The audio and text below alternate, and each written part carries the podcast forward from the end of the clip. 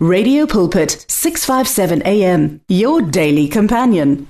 Lochani balaleli emakhaya nilotshiswa ngumfundisi uMahlangu nginilochisa sisehlelweni elithi ikonzo eh nginilochisa ngisuka emhathweni omkhulu iRadio Pulpit ePretoria umnganakho wamalanga wonke eh ngibawa ke bazalwane nani balalele emakhaya sithathe leli thuba sihlephule ndawonye izwi lenkosi.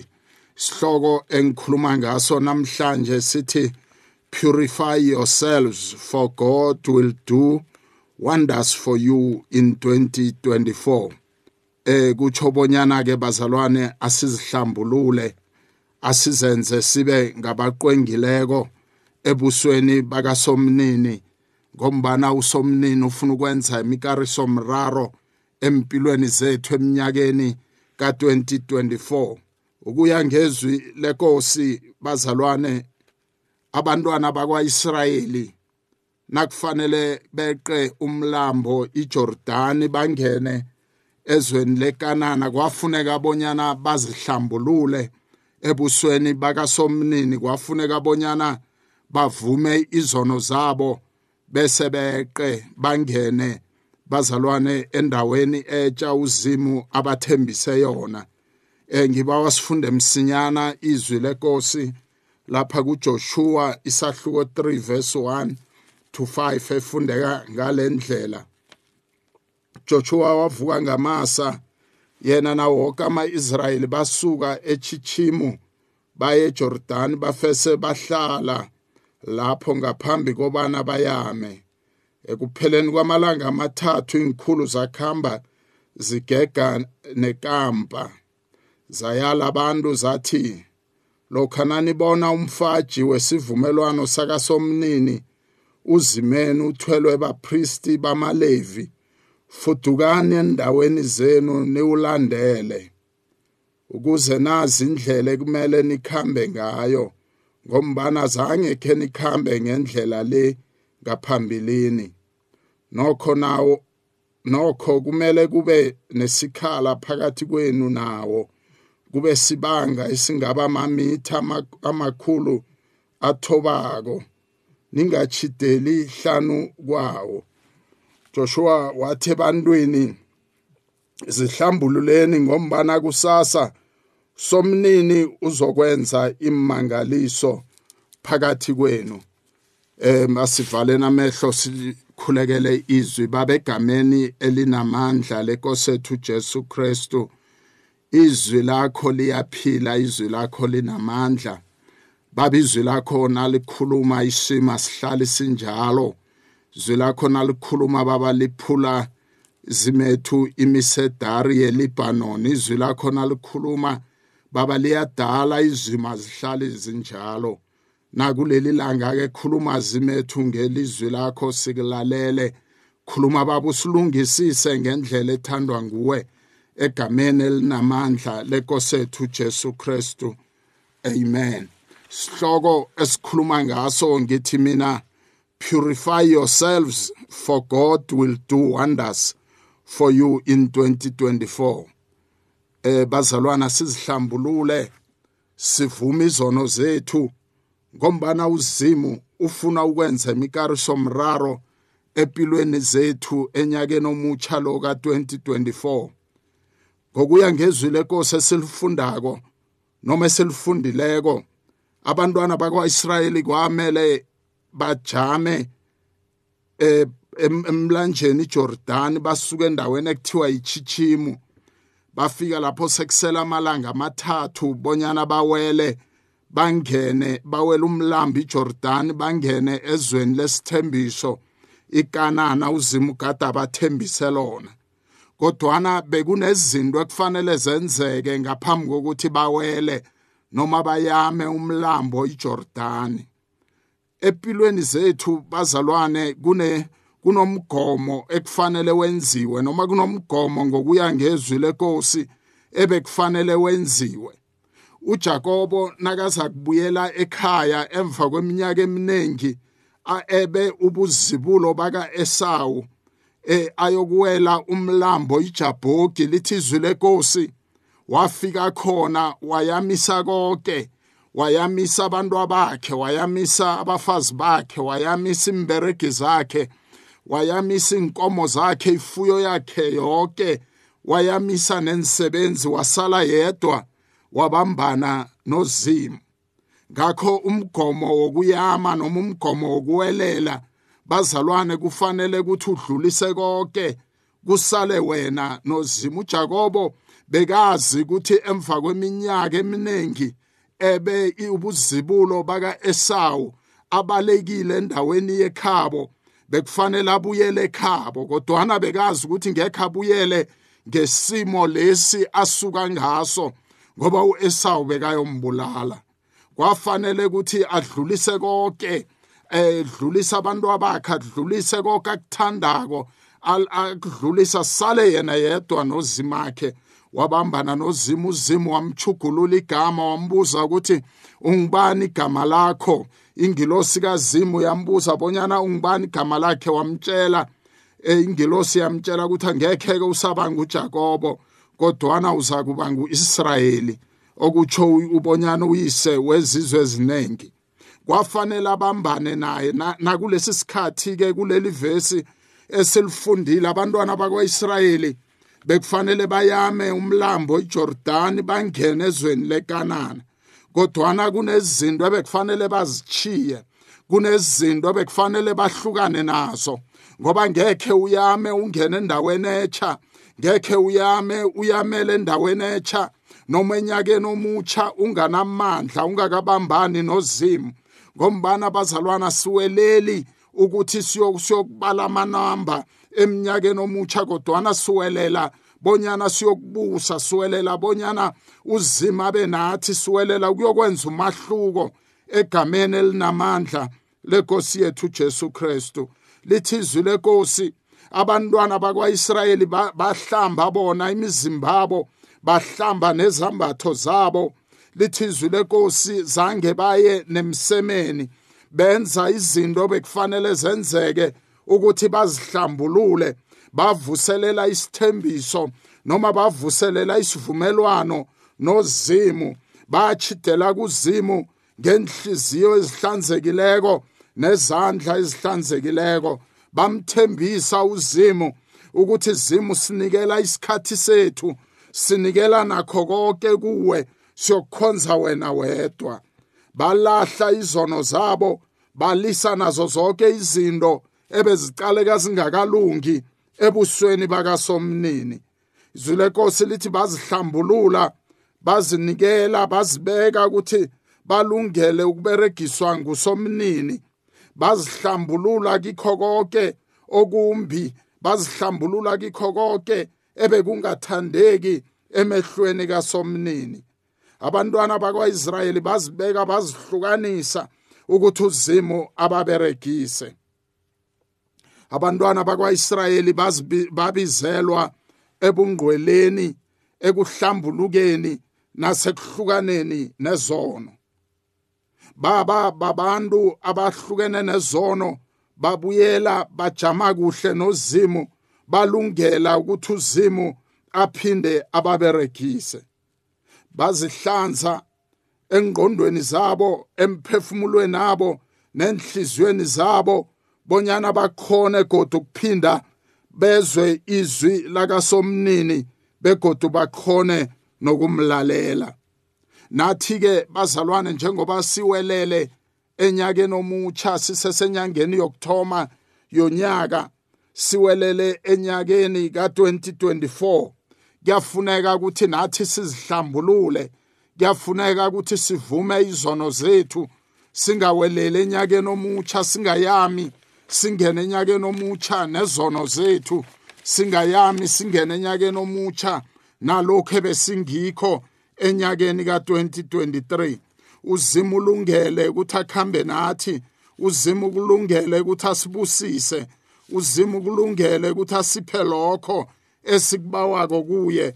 Kodwana kufuneka thina sikwenze bazalwane ukuthi sivume izono zethu sizihlambulule ebukhoneni bukazimu sivume ukuthi siyame naye singangeni sodwa enyakeni ka2024 ngombana nasikhamba nozimu angekhe kube namalwele. Nasingena nozimu ku2024 angekhe afane no2023 ongunyaka obe nama-challenge amaningi okungunyaka obe nenkinga eziningi empilweni zabanye bethu. Umnotho welizwe lesewula afrika bowungasimuhle. Abantu abaningi bangabereki zonke lezi zimo zigcwele enaheni yekhethu kodwana nasingenza umahluko njengabantwana bakazimu nabalaleli emakhaya singaweleli enyakeni ka2024 sisafana no2023 uzimethu namhlanje uyasibiza sibizela abazalwane ekutheni asizihlambulule. Uloyo naloyo uzihlambulule noma ungenile enyakeni ka2024 ungakazihlambululi kodwana ngoba inyanga yokuthoma sisesenalo lelo thuba ukuthi nawe ungenza njengoba bakwaIsrayeli benza elithi izwi lenkosi bafika bajama hlanu komlambo iJordan bafika lapho bazivuma izono zabo bazihlambulula baba neqiniso kusomnini bamtshela lapho bone khona nawe ekhaya ungaba nalo leli thuba nawe ekhaya kungaba isikhathi sakho mlaleli nawe mzalwane ukuthi unyaka usathoma sisesenyangeni kaJanuwari ungambawa uzimu ungaya kuye ngokuthembeka uvume izono zakho uzihlambulule. Ngombana abazalwane izinto eziningi azenzeki kuhle empilweni yethu. Asinazo imbusiso asinawo amandla wokuya phambi kwakasomnini asinawo amandla wokuya kuzimu siyokubawa. Ngombana sikazihlukanisi nezono zethu asikazihlukanisi nezinto ezingamthokozisi uzimo nasingaya nathi namhlanje njengabantwana bakwaIsrayeli nathi sithi isikhathi sethu njengoba kusese nguJanuwari zimethu siyakubawa somnini siyakubawa ukuthi sihlambulule sivume izono zethu ngeqiniso sivume ukuthi asikenzi kuhle phambi kwakhe singafihli litho zimethu muhle ulungile uthi yena noma zibovu njengegazi izono zethu yena uyazihlanza zibe mhlophe njengeliqwa uzimethu ulungile bonyana sithethelele izono zethu. Ulinde thina imihla namalanga ukuthi sithembeke sisichidele kuye sifune umsakhe. Uzimethu uyosenzela umusa enyakeni ka2024 uJoshua uthi kuverse 5 uthi nakakhuluma nabantwana bakwaIsrayeli uthi zihlambululeni zingcweliseni vumani izono zenu ngombana kusasa uzimu uyokwenza imangaliso nemikariso mraro empilweni zenu. Nami ngitsho njalo bazalwane ukuthi iloyo naloyo ongasuka namhlanje aye kuzimu ngeqiniso afika amtshele ukuthi zimu unyaka ka2024 njengoba usathoma ngiyazihlambulula. Njengoba u2024 usathoma baba ngibuyela kuwe ngivuma izono zami ngiyakuthembisa mlaleli. Impilo yakho ngeke iphinde ifane. Uyokukrossa kuhle njengoba sowucrossile kodwana you are going to take uh, control. Kunyaka ka2024 uyokubusiswa uzima uyokuba nawe ikhaya lakho liyokubusiseka abantwana bakho bokubusiseka uzima uyowuzwa umkhuleko wenzaka ekhayeni lakho uyolizwa nezwi lakasomnini nawuleleko nanoma ukhuleka uzima uzomuzwa akhuluma nawe ngombana abazalwane uzima kakhulumi nomuntu osisoni. Uzima kawuzwa umkhuleko womuntu osisoni. Funa masinyana ukufunda izwi lenkosi encwadini kaPetros sokuthoma eh sithome eh eh isahluko sokuthoma iverse 15 no 16 ifundeka ngalendlela kunalokho njengombano wanibiza kaqwengile yibani ngabaqwengekileko? Kikho konke ukukhamba kwenu. Ngombana umhlolo ocwengileko uthi yibani ngabaqwengileko ngombana mina ngiqwengekile. Uzimo osibizileko bazalwane osibizela esindisweni unguzimu oqwengekileko. Ngakho nathi kubalulekile noma siqindezelekile ukuthi sibe ngabaqwengileko.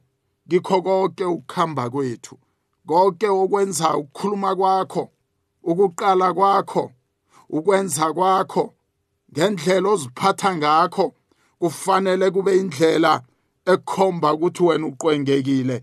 Kufanele kube indlela ekhomba ukuthi wena ufuna ukwenza njengozimu ngombani uzimetho osibizileko uqwengekile. He is holy. You are therefore supposed to be holy. Kufanele sibe ngqwele ngoba uzimo osibizileko ungqwele bazalwane nasingalunga sonke sichidele kusomnini njengoba kwenza laba bakwaIsrayeli baya kuye bafuna ubuso bakhe. Bazalwana umgomo uthi ngeke uwelele unoma uyame uwelele ngakwelinye ihlangothi ungakalungisi kuhle nozimo.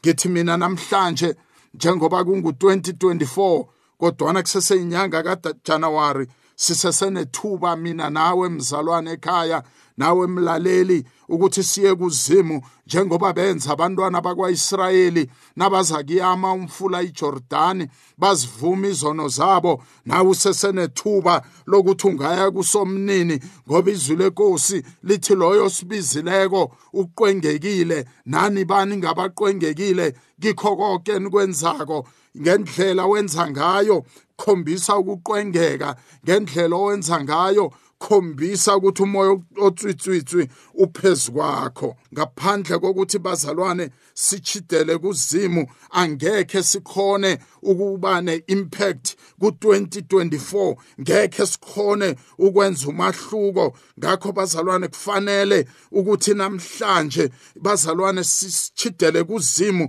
ukuze imbusiso zethu zifike kithi. Namhlanje sibizelwe ebungqweleni namhlanje sibizelwa abazalwane ekuzihlambululeni nasekuzihlukaniseni. Bonke ubumbi abuphume kithi siba uzimu asihlanze asuse konke ukungakalungi empilweni zethu. Ngombana abazalwane uzimethu unguzimo omuhle unguzimo osithandako unguzimo ongekho asilise uhlala njalo aqalisa amehlo akhe ngakithi. Bazalwane namhlanje asichidele kuzimu ngiloyo naloyo ngehliziyo ehlanzekileko nezandla ezihlanzekileko. Singanamlando singanaqala sifune bazalwane ukuba ngabaqwengekileko. Ngombana osibizile uqwengekile bazalwane nasingenza kuhle. Namhlanje na ungachidela ngisayokukhuleka ngifuna ukuthandaza nawe.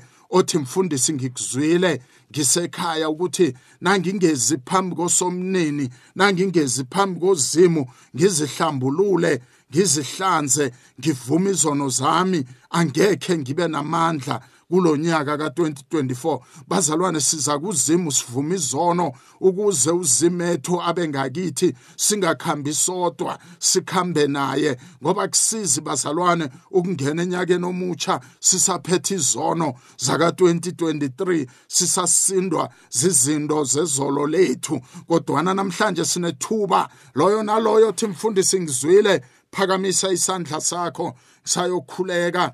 Impilo yakho angekhe iphinde ifane. Na uyokuvuma ukuthi zima ukusuka nje ngiyakhuleka ngiza kuwe ngibawa ukuhlambululwa ngivuma izono zami uzimethu muhle ulungile. Noma zibovu njengegazi izono zakho uyozihlanza zibe mhlophe njengeliqwa wena bese uyangena ku2024 ungena unamandla ungena unembusiso uthole nendo zakho nezomndeni wakho. Ngiyakhuleka.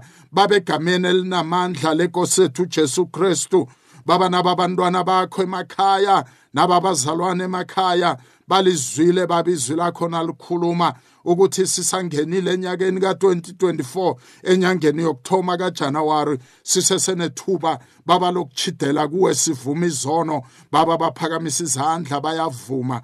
Baphakamisa izandla babuyela kuwe. Baphakamisa izandla ukuthi zimo bathethelela izono zabo bahlanze njengoba baba bahlanzwa. Abantwana bakwaIsrayeli nabo bayavuma babo kusuka emakhanda wabo kuye enyaweni baba bahlanze ngomoya wakho ingcwele sikhulekela umusa kamoya ingcwele ukuthi uhlale phezukwabo ungene naphakathi enhlizweni zabo baba bahlanze ubalungisise ngendlela ethandwa nguwe. Baba i pray for your grace favor and your mercy baba phezu kwempilo zabo. Nyaka ka2024 baba bakhambe banamandla bathole konke okungokwabo. Baba babe ne-impact engakazi bonwe baba abantwana babo baphumelele imbusiso zabo zibe phezu kwabo egameni elinamandla lenkosi yethu Jesu. Father we thank you ukuthi okungenzeke ebantwini kuwe sekwenzekile egameni elinamandla lenkosi yethu Jesu Kristu. Amen and amen. The words of the Lord are words of life Your heart is on 657 AM. 657 AM. Radio for believers in action.